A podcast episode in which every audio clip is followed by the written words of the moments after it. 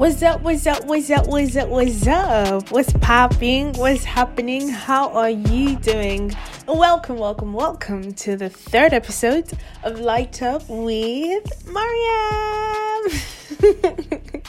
thank you for tuning in. Um, thank you to every single person that um, got back to me after listening to the second episode. Thank you for encouragement, for your support, for sharing, for liking. Thank you for suggestions, all of it. Thank you guys. I appreciate the time you take out to listen to the podcast. Um, something interesting happened during my week, and I really thought to share before we jump into our podcast today. So basically, I had an essay to turn in on the international laws of the sea, right? And so I work on this essay, 4,500 words, you know, give it all, you know. Um, um, towards the end of the essay, right before my conclusion, I, I had this paragraph that was like subtitled recommendations, right? And this was me being extra. This was me being like, yo, I am recommending for the future. We are futuristic. We plan towards the future. We work at it. so this is my first essay I was turning in for this course.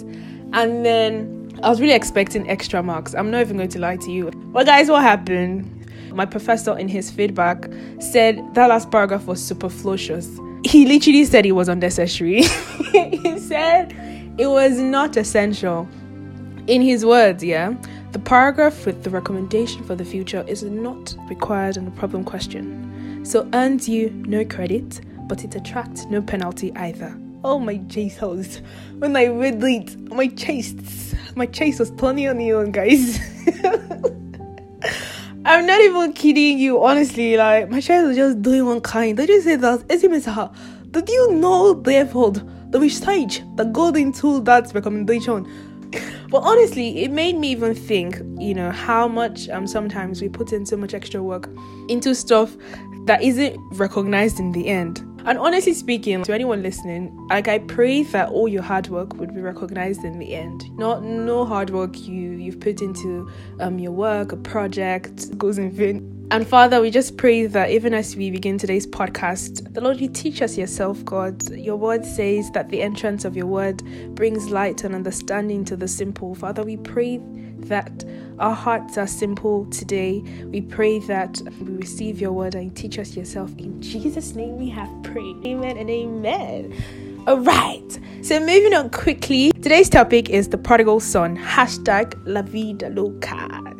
I mean, if you don't know, La Vida Loca is a Spanish um, word that means the crazy life, or it means doing wild or crazy things that make you cool. And I know that a number of you may have heard the story of the prodigal son, but today we'll start off with a summary of the story just to jog our memories, and then we'll move on to five lessons I have learned from the story. Feel free to add yours, comment, tell me whatever else you've learned then we would go on a music break in between, and then we'll come back and we would have our confession of the week and our activity of the week, and we'll call it a day, right? So let's jump straight into it. The summary of the story. Now, the story of the prodigal son is found in the book of Luke, chapter 15, from 11 to 32. So, setting the scene, tax collectors and other notorious sinners often came to listen to Jesus teach. Now, this made the Pharisees and teachers of religious laws complain that he was associating with sinful people. He was even eating with them. The audacity. Come on. But then Jesus told them three parables to show them the love of the Father and to open their eyes to their own self righteousness, right? So in this chapter 15, previously Jesus has started with the story of the lost sheep, then moved on to the story of the lost coin, and then finally the story of the lost son, aka the prodigal son. So let's jump right in. What's the prodigal son about? So it starts off with, you know, a man. He has two sons, an older son and a younger son. And then one day, the younger son just walked up to his daddy. He said, Daddy, loser, I want my share of the estate. I want my inheritance. Before you die, just give it to me. and I know you may be marvel, but so he asked his father for his own share of the inheritance, and his father agrees, right? My translation, NLT says, the father agrees to sh- divide his wealth between his sons. So, a couple of days, the younger son used few days, just packed his belongings and moved to a faraway land. So he wasted living la vida loca, living large, living wide, living fancy, living sweet. so the youngest son moved away to a distant land, and soon enough, the money ran out and he persuaded a local farmer to hire him, you know, to feed the pigs and to take care of the pigs. And he became so hungry that even the pigs food started looking good to him. But then finally he came to his senses. And he thought to himself, ah, at home, the hired servants even have enough food to spare. And I'm here dying of hunger. I will go home to my father and I will tell my father, Dad, see, eh, I have sinned against you and against heaven and I'm no longer worthy to be called your son. Please take me back as a hired servant.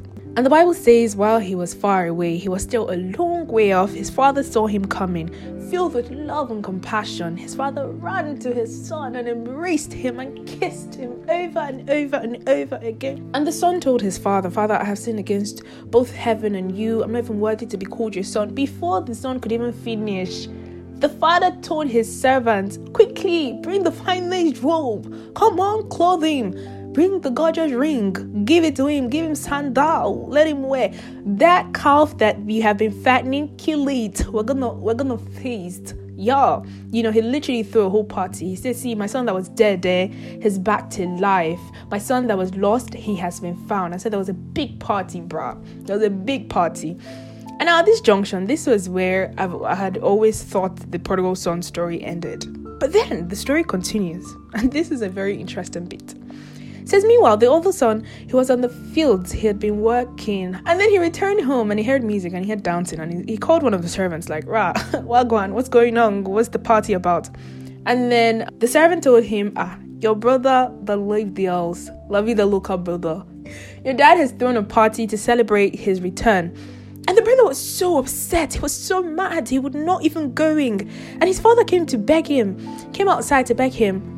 And he told his father, Father, I have served you, I have slaved for you for all these years, and not for once have you even given me a goat to celebrate with my friends or to feast with my friends. And then this your son. Now, see, he doesn't even say, This is my brother. He says, This son of yours after squandering all your money on prostitutes, after after spending all your money living wild, has come back and then you kill the fattened calf on his behalf and you throw a party? What? And then his father says, See, look, son, everything that I have, it is yours. Everything, everything else I have, I've given him his own inheritance. All I have is yours. And we have to celebrate this happy day. For your brother that was dead has come back to life. He was lost, but now he is found. Notice that, you know, the father says this twice, right? And yeah, whilst I was like waiting, like, rah, so did he go inside? Did he not? Did he, you know, welcome his brother? Did he take that as a consolation? Do you know Jesus leaves the story there? Jesus literally, like, it's like a cliffhanger. He's like, all right, cool, that's the end. Rah! but that's the end of the story of the prodigal son. And from the story, I also see um, resemblances from this story with the story of Jacob and Esau. Now, you know, Jacob and Esau, they're two brothers, likewise the prodigal son and his brother. But then, see, the younger brother also gets his birthright or inheritance, likewise the prodigal son, right? And then the younger one leaves home and leaving the older brother hurt and upset. Likewise, Jacob and Esau. Jacob was the younger one who got the inheritance, he left home, and then his older brother was hurt and very upset, right? So, I mean, just vibes, man. Just, just, just vibes. Okay, so the story of the prodigal son is a parallel, it's a foreshadow, it's a symbolisis of who God is and our relationship with Him. Now, I'd invite everyone to see the father in this story as God, and the sons as Christians, the servants as angels, and the father's inheritance to his children as God's endless wealth. Now, let's move into our five lessons from the prodigal son's story. Number one, Sin never satisfies. Tap your neighbor and say, Sin never satisfies, brother. Sin never actually satisfies. It's funny because um, once you get into a sin, it eventually it would leave you exhausted. It would leave you unsatisfied. It would leave you needy. For instance, say stealing. You would want to once you take one, you'd want to have five more. Lying. Once you start one, you would have to like have five more lies to cover up. Or say like watching porn or, or um or masturbation or something you just want to see more. There is that, you know, inherent curiosity that will just want more right? And so sin never satisfies because one of the crucial things from prodigal son is is his pride in his self-sufficiency, right? So this was him walking away from the sufficiency of God or his father who is like an overflowing river. And it's like the prodigal son was like all right cool. I just want a bucket from the river and i'm going to go away right? I'm good with the bucket. I can survive. Ran out of resources. And so see with sin the sin of walking away from the father it never satisfies. We've run out at some point. We've run out of our own sufficiency. The bible likens sin to death because, see, the Father says two times, This son of mine was dead, but now has returned to life.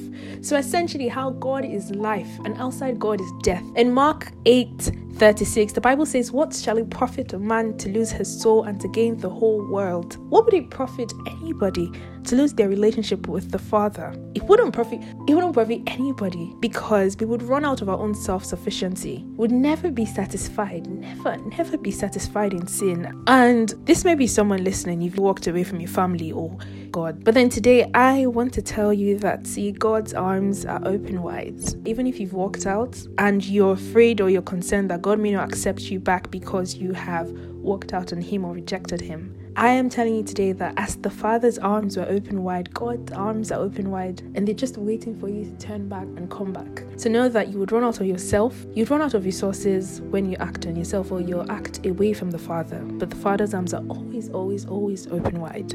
Now, number two is that there is joy in salvation or repentance. Going back to our text, it says he finally came to his senses and he said to himself, Rah, at home, bruv, them hired servants have enough food to eat and to even spare, and I'm here dying of hunger. Rah.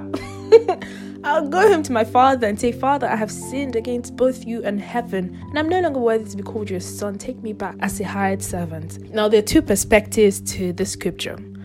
One is the perspective that, on face value, this is a repentant heart. This is someone recognizing that he had disrespected his father very, very deeply by asking for his inheritance before his father's death. And then taking off face value is him saying, Father, I have sinned against you and have sinned against heaven. Don't even take me back as your son. I'm unworthy. Take me back as a hired servant. And the second perspective to this that says, nah, it's not even, it's far from true repentance. Okay. He thought to himself, it was a selfish thinking. He came to himself, he got smart, right? He took an interest in himself. He didn't think of repenting as in what he had done was wrong, but basically a plan to just rescue himself from his own mess. We'll come back to that towards the end.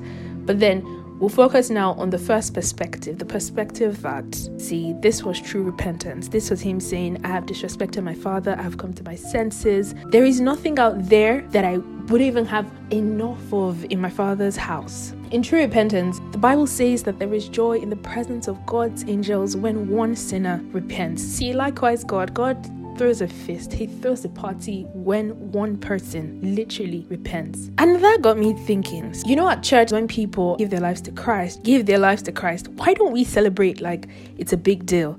why don't we um, congratulate them why don't we like give them a high five like yo welcome like yay you you have been missing but i mean you're not too late though because it clicked to me that as christians we have two birthdays our first birthday is the day we're literally born into the world, and our second birthday is when our spirit was, was reborn. You know, we're born into Christ. That's our second birthday. So, so now I am intentional and imploring you to be as intentional when someone you know or someone you don't even know gives their life to Christ. Encourage them, you know, support them, tell them, "Wow, that was a good decision." Turning to Christ um, share your salvation story with them, share your journey with them, give them a high five, get them a Bible, chat with them, just encourage them because heaven is happy. Now the third lesson is the father's love. It's entirely the father's love. It's it's mind-blowing because the essence of the story is the father. Do not even be distracted by the sons or anything. The father is on the spotlight here because the prodigal son came with rags. He came with muddy clothes. And the Bible says the father ran to him and hugged him. And very crucially, you don't even have to change before coming to God.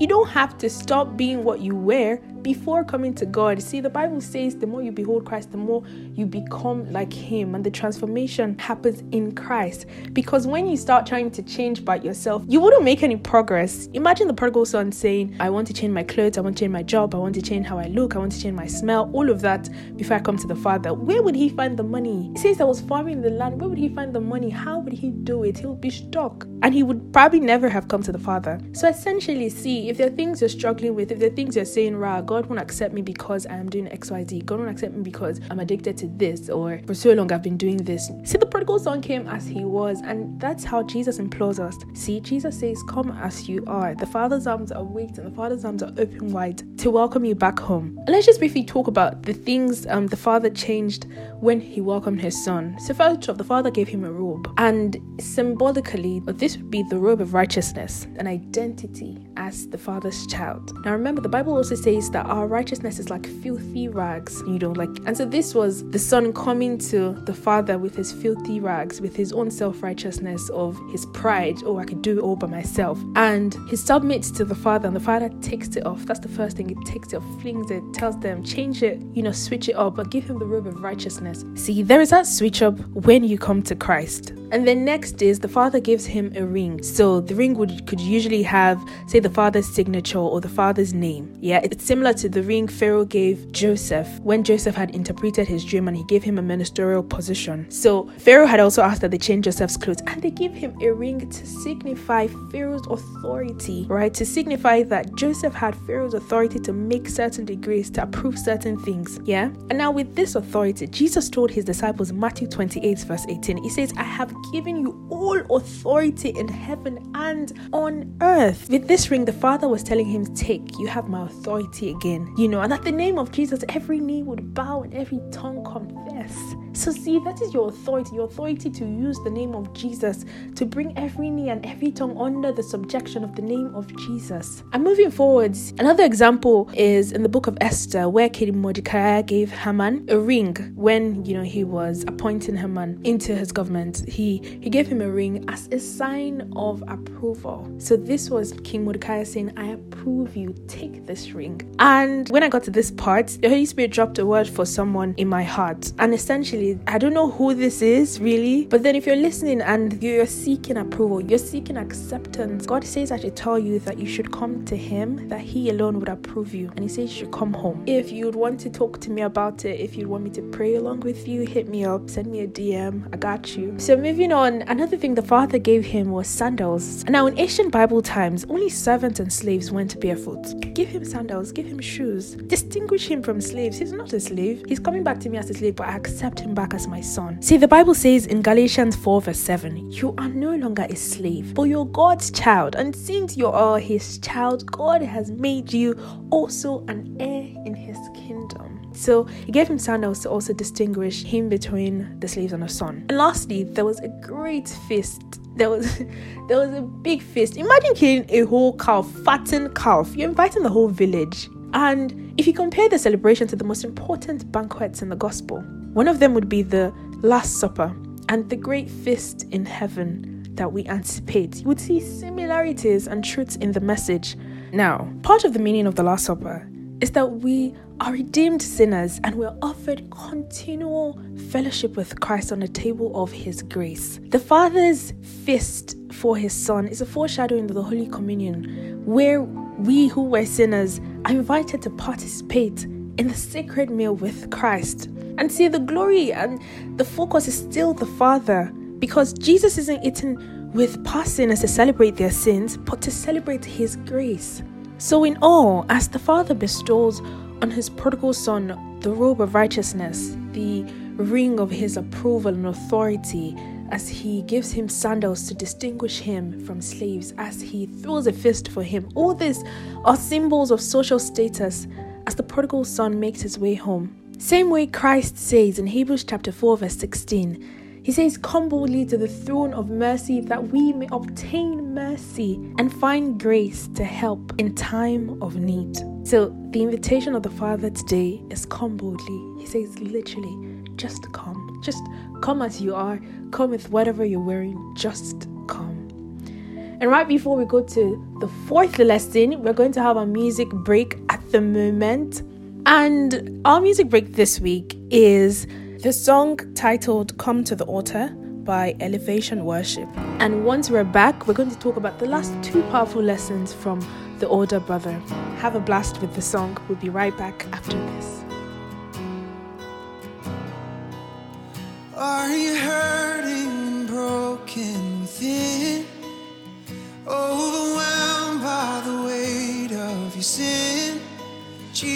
Jesus is called.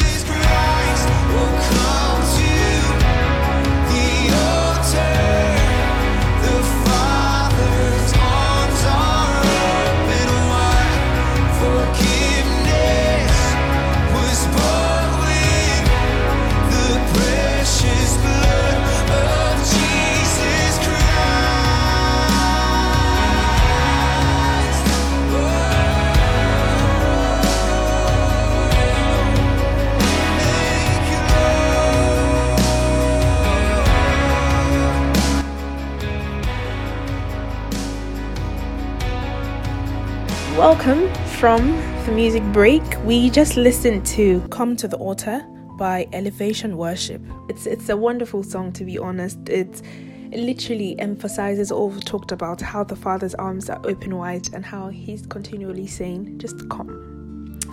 So we move on to our fourth lesson, second to the last lesson. Now we're focusing on the older brother, right? We're, we're making distinctions, comparisons with the older and the younger brother. And one of the things that stood out for me is that I thought that the older brother had some identity crisis. Now, identity crisis is the uncertainty or the confusion in which a person's sense of identity becomes insecure when someone isn't sure of who they are or whose they are. The older brother saw himself more as a slave than a son. See, he comes back from the field, he says, I have slaved for you, father.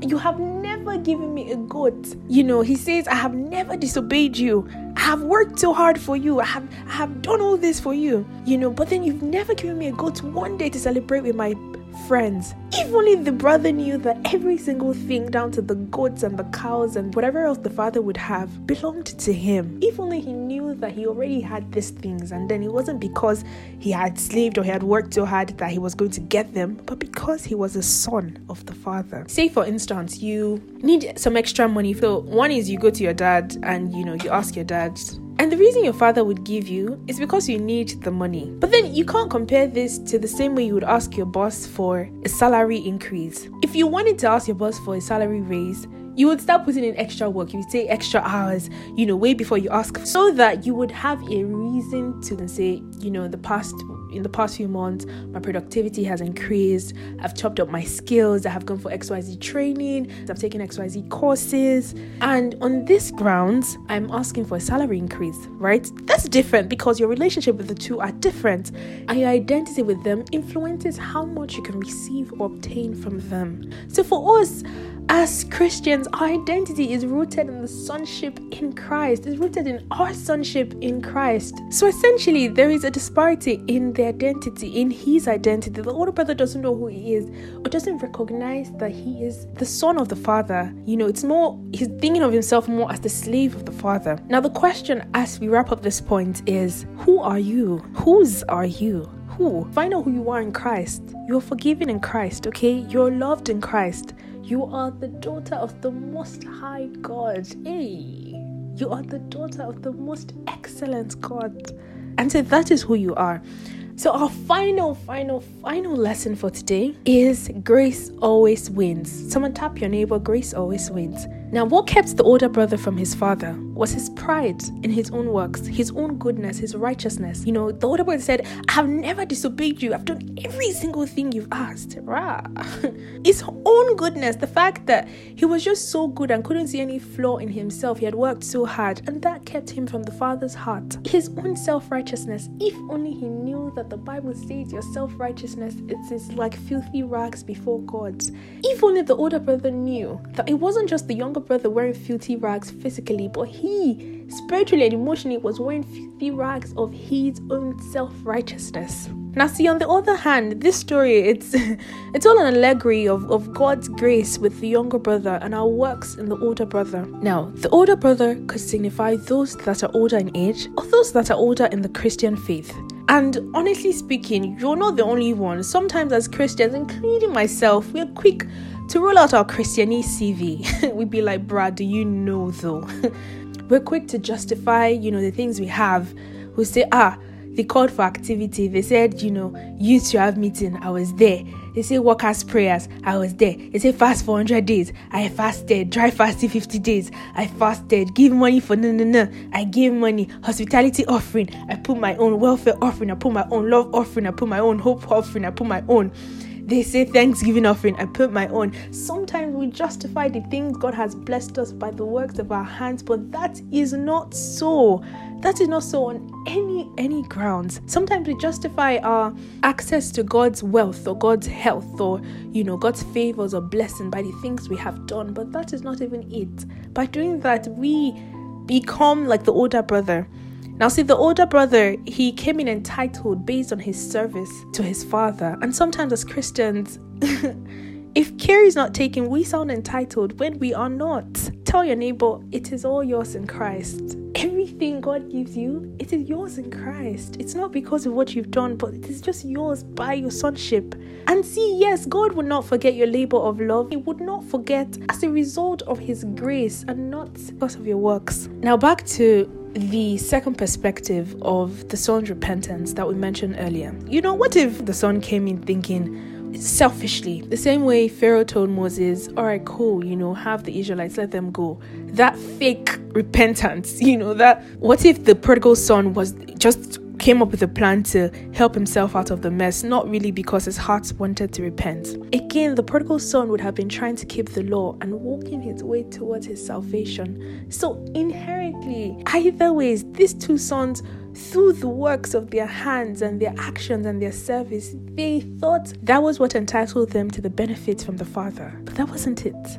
It was just the fact that they were sons. I mean, I just think it's an interesting perspective to think about, really. You know, it's an interesting perspective to the story. But then, in essence, my fifth point is saying, with your works, you feel entitled to God's blessings. Meanwhile, in God's grace, you're really undeserving. With your works, feel that it's your efforts that give you good health. It's because you're praying 20 hours a day or you're fasting a billion times that you have God's good health or God's wealth. But then, see, Grace it's not your efforts, it's your sonship. It's because you're in Christ. See, in the end, God doesn't even owe us Mm-mm, at all. It doesn't. It doesn't owe us anything. He owns us instead. And so it's in our duty, it's in our place to rest in God's grace. Now tell your neighbor, lastly, rest in the grace of your Father. Okay, so that was our last point, and this leads us to our confession of the week. So, this week's confession is an encapsulation of the five lessons we have learned and this week's confession is My identity is in Christ. I am a son or daughter of the Most High God. I rest in God's grace. I have everything I need. Okay, now just say it after me. My identity is in Christ. I am a son. If you're a daughter, say, I am a daughter of the Most High God. I rest in God's grace. I have everything I need right? And then our activity of the week. So there are two options. You could either do A or B or do both of them. So option A is is to have a plain page and in the middle write in capital letters I am right? And then write everything that you are in Christ. Write everything that your identity is in Christ, right? That you are forgiven, you are loved, you are strengthened, you are graced, you are provided for. Every single thing that you are in Christ, or that you know that you are in Christ, as much as you can remember, just write it and keep adding to them. However, you want, to, however systematically arranged you want them to be, go for it, knock yourself out.